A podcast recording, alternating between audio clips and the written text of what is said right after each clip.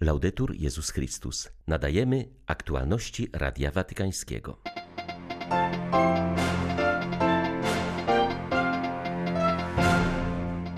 Bądźcie ludźmi pokoju i pojednania. Tych, którzy sieją nienawiść, podziały i przemoc, wzywajcie do nawrócenia, napisał Ojciec Święty w przesłaniu skierowanym do Franciszkanów zgromadzonych na kapitule generalnej w Rzymie.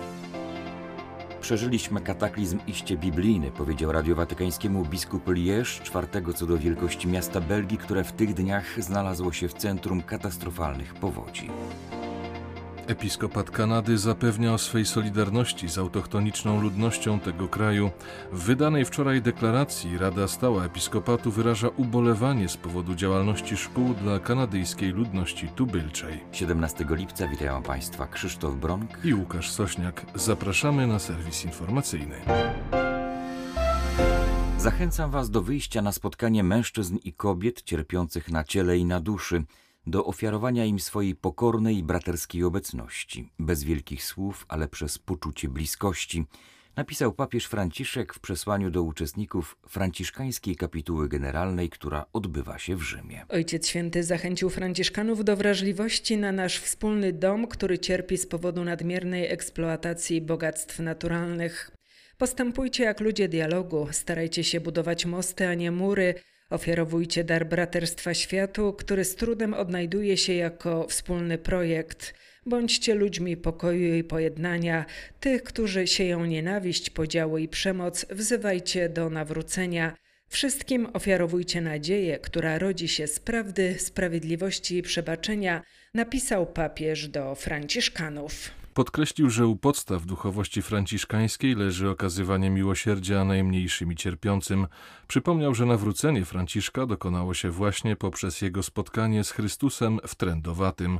Bóg wciąż działa przez ubogich, odnowa wizji waszego powołania może zacząć się właśnie od kontemplacji osób zepchniętych na margines, które są znakiem, niemal sakramentem obecności Boga. Nie zapominajmy, że odnowione spojrzenie zdolne otworzyć nas na Boże obietnice otrzymujemy dzięki bliskości z ubogimi, ofiarami współczesnego niewolnictwa, uchodźcami i wykluczonymi tego świata. Oni są waszymi nauczycielami. Obejmijcie ich tak, jak zrobił to święty Franciszek, napisał papież. Episkopat Kanady zapewnia o swej solidarności z autochtoniczną ludnością tego kraju. W wydanej wczoraj deklaracji Rada Stała Episkopatu wyraża ubolewanie z powodu działalności szkół dla kanadyjskiej ludności tubylczej.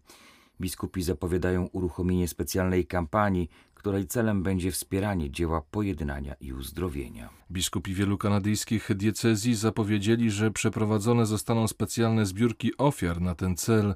Będą one służyć nie tylko pojednaniu, ale także edukacji i wsparciu dla autochtonicznej kultury.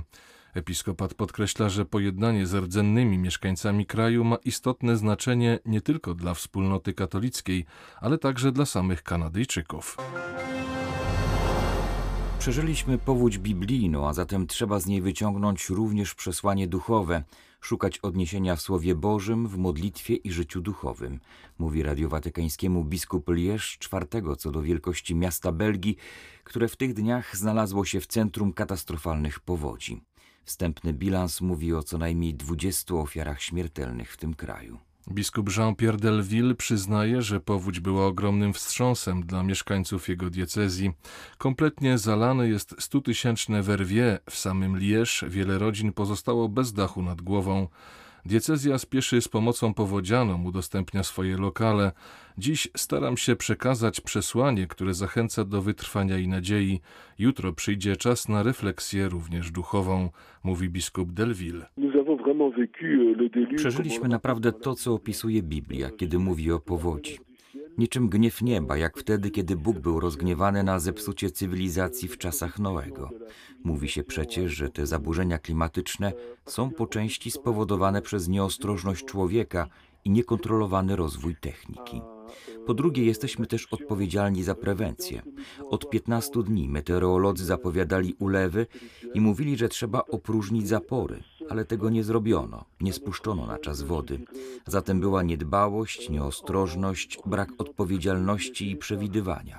Nasze społeczeństwo musi się zastanowić nad tym, jak gospodarować ziemią, morzem, klimatem, inaczej znajdziemy się w jeszcze gorszej sytuacji. Zatem wnioski na przyszłość to odpowiedzialność i modlitwa oświecona przez Pismo Święte. Jestem przekonany, że z tych tragicznych wydarzeń wyłania się również przesłanie duchowe. Musimy nabrać zaufania do naszej wiary i do Ewangelii, która daje nam orientację w tego rodzaju sytuacjach podczas mroku i ulewy.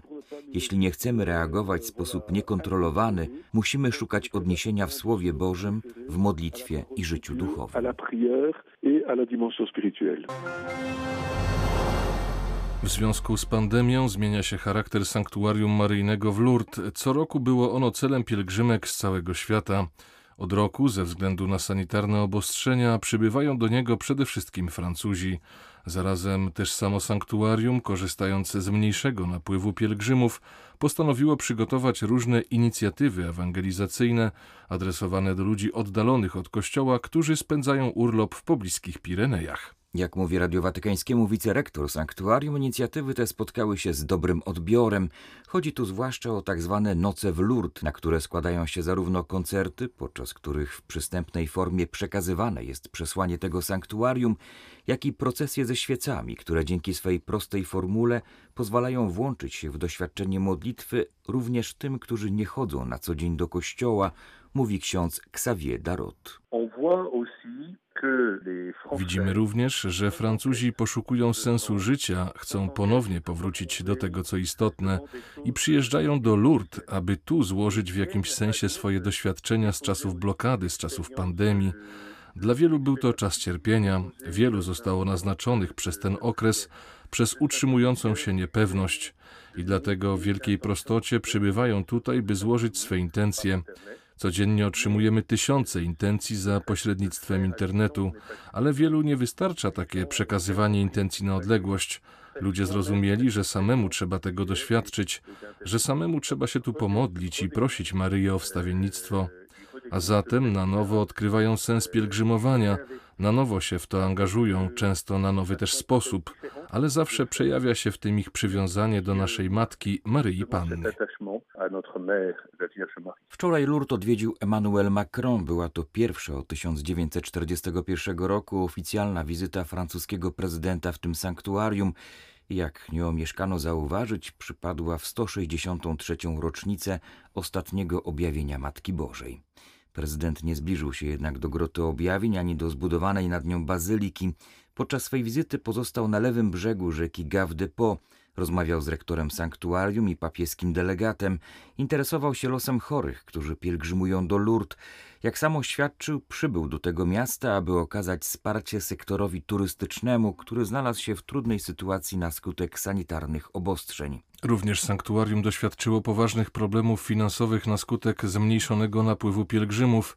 Jak powiedział jednak Radiu Watykańskiemu wicerektor sanktuarium, wielkim zaskoczeniem była dla niego hojność wierzących, dzięki której udało się zaradzić tej trudnej sytuacji finansowej. Sytuacja na Kubie jest niepokojąca, władze zaostrzają represje, ludzie są zwalniani z pracy, rośnie liczba uwięzionych. Wskazuje na to ksiądz Jean Pichon, który od 13 lat wraz z innymi kapłanami z francuskiej wspólnoty świętego Marcina prowadzi jedyną katolicką parafię w stutysięcznym mieście Placetas. Rozmawiając z Radiem Watykańskim, podkreśla on, że choć władze są zaskoczone i przestraszone wybuchem protestów społecznych, bo w takiej skali nigdy do nich nie dochodziło, to jednak niezadowolenie wśród Kubańczyków narasta już od dawna. W ostatnim czasie ich życie stało się prawdziwą kalwarią. Codziennie trzeba walczyć o zdobycie pożywienia i lekarstw, często bezskutecznie, opowiada francuski misjonarz. Zauważa on, że punktem wyjścia dla protestów były problemy społeczne. Ludzie domagali się pożywienia i lekarstw. Zarazem nakładają się na to postulaty polityczne. Ludzie chcą zmian, ale pozostaje to na razie dość ogólnikowe. Chcą więcej wolności mniej represji, chcą godnego życia, mówi ksiądz Piszą. Sytuacja jest niepokojąca w tym sensie, że nie wiadomo, co będzie dalej. Wiele osób zostało uwięzionych, więcej niż podaje się w mediach. Od ubiegłej niedzieli policja przychodzi po ludzi do ich mieszkań i zabiera do aresztu. Wszystkim, którzy uczestniczą w manifestacjach, grozi, że stracą pracę. Władze wyrzucają z pracy nauczycieli, ludzi, którzy pracują w kulturze. Wyrzuceni na bruk nie mają z czego żyć. Prezydent nawołuje do jedności, ale widzimy, że rzeczywistość temu przeczy. Reżim się boi. My też otrzymaliśmy pogróżki ze strony partii, abyśmy nie mówili za dużo, a zatem widać, że się boją, że sami nie wiedzą, co będzie dalej. I nas to też niepokoi, bo panuje atmosfera przemocy, która może eksplodować. Ale niestety w obliczu sytuacji, która trwa już od tak wielu lat, w pewnym momencie trzeba wznieść się ponad lęk, nawet jeśli będzie to kosztować, nawet jeśli będzie to ciężkie. Trzeba, aby coś się zmieniło. Przemówieniu wygłoszonym podczas międzynarodowego szczytu na temat wolności religijnej w Waszyngtonie chaldejski arcybiskup Irbilu zaznaczył, że Irakowi nie wystarczy międzynarodowa pomoc materialna, choć ta jest niezbędna. Konieczna jest także odbudowa godności tych, którzy cierpieli pod rządami islamistów. Ten proces zajmie jednak znacznie więcej czasu niż odbudowa kościołów, zaznaczył arcybiskup Bashar Warda. Arcybiskup podkreślił, że choć jego archidiecezja systematycznie się rozwija, to wciąż ponad 2600 rodzin z Mosulu obawia się powrotu w rodzinne strony. Uważają, że nie jest jeszcze wystarczająco stabilnie i bezpiecznie. Ich domów już nie ma, zostały zniszczone przez islamskich radykałów, zniknęły też miejsca pracy. Obawiają się więc o swoją przyszłość, czują się niepewnie i dlatego zwlekają z powrotem, wyjaśnił hierarcha.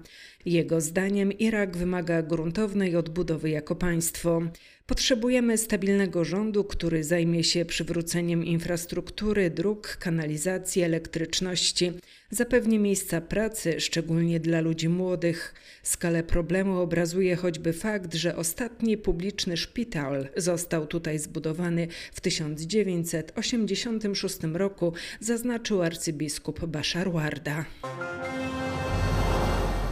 O potrzebie zachowania bezpieczeństwa na drodze i wspierania misjonarzy w zakupie środków transportu potrzebnych do pracy w dalekich krajach przypomina rozpoczynający się jutro 23 Ogólnopolski Tydzień Świętego Krzysztofa. W apelu skierowanym do wszystkich użytkowników ruchu drogowego krajowy duszpasterz kierowców ksiądz Marian Midura podkreśla, że święty Krzysztof, patron podróżujących i kierowców, wzywa nas do rachunku sumienia, jakimi jesteśmy ludźmi jako użytkownicy dróg. 10% wypadków powodują pijani kierowcy, a więc my nie możemy o tym nie mówić, milczeć, gdy mówimy, pijani kierowcy wiozą śmierć. Widząc osobę, która po alkoholu chce usiąść za kierownicą i prowadzić pojazd, musimy zdecydowanie reagować. Trzeba tego człowieka powstrzymać. Ogólnopolski Tydzień Świętego Krzysztofa ma ponadto wymiar misyjny. Jest organizowany przez Stowarzyszenie Miwa Polska, zajmujące się pomocą misjonarzom w zdobywaniu środków transportu, a odbywa się pod patronatem Komisji Episkopatu Polski do Spraw Misji. Jej przewodniczący, biskup Jan Mazur, zachęca. Chciałbym bardzo zaapelować, poprosić wszystkich, którzy są użytkownikami dróg, o włączenie się tę wspaniałą akcję Jeden grosz za szczęśliwie przyjechany kilometr. Pragnę zapewnić, że misjonarze pamiętają o Was w swoich modlitwach i pragnę też przypomnieć przysłowie afrykańskie, gdy dasz biedakowi troszkę, Bóg odda Ci dużo. Nie żałujcie niczego biedakowi, a Bóg da Wam dużo. Pojazdy umożliwiają misjonarzom szybkie niesienie pomocy medycznej, edukacji oraz sprawowanie posługi duszpasterskiej. Z Warszawy dla Radia Watykańskiego ojciec Stanisław Tasiemski, dominikanin. Były to aktualności Radia Watykańskiego. Laudetur Jezus Chrystus.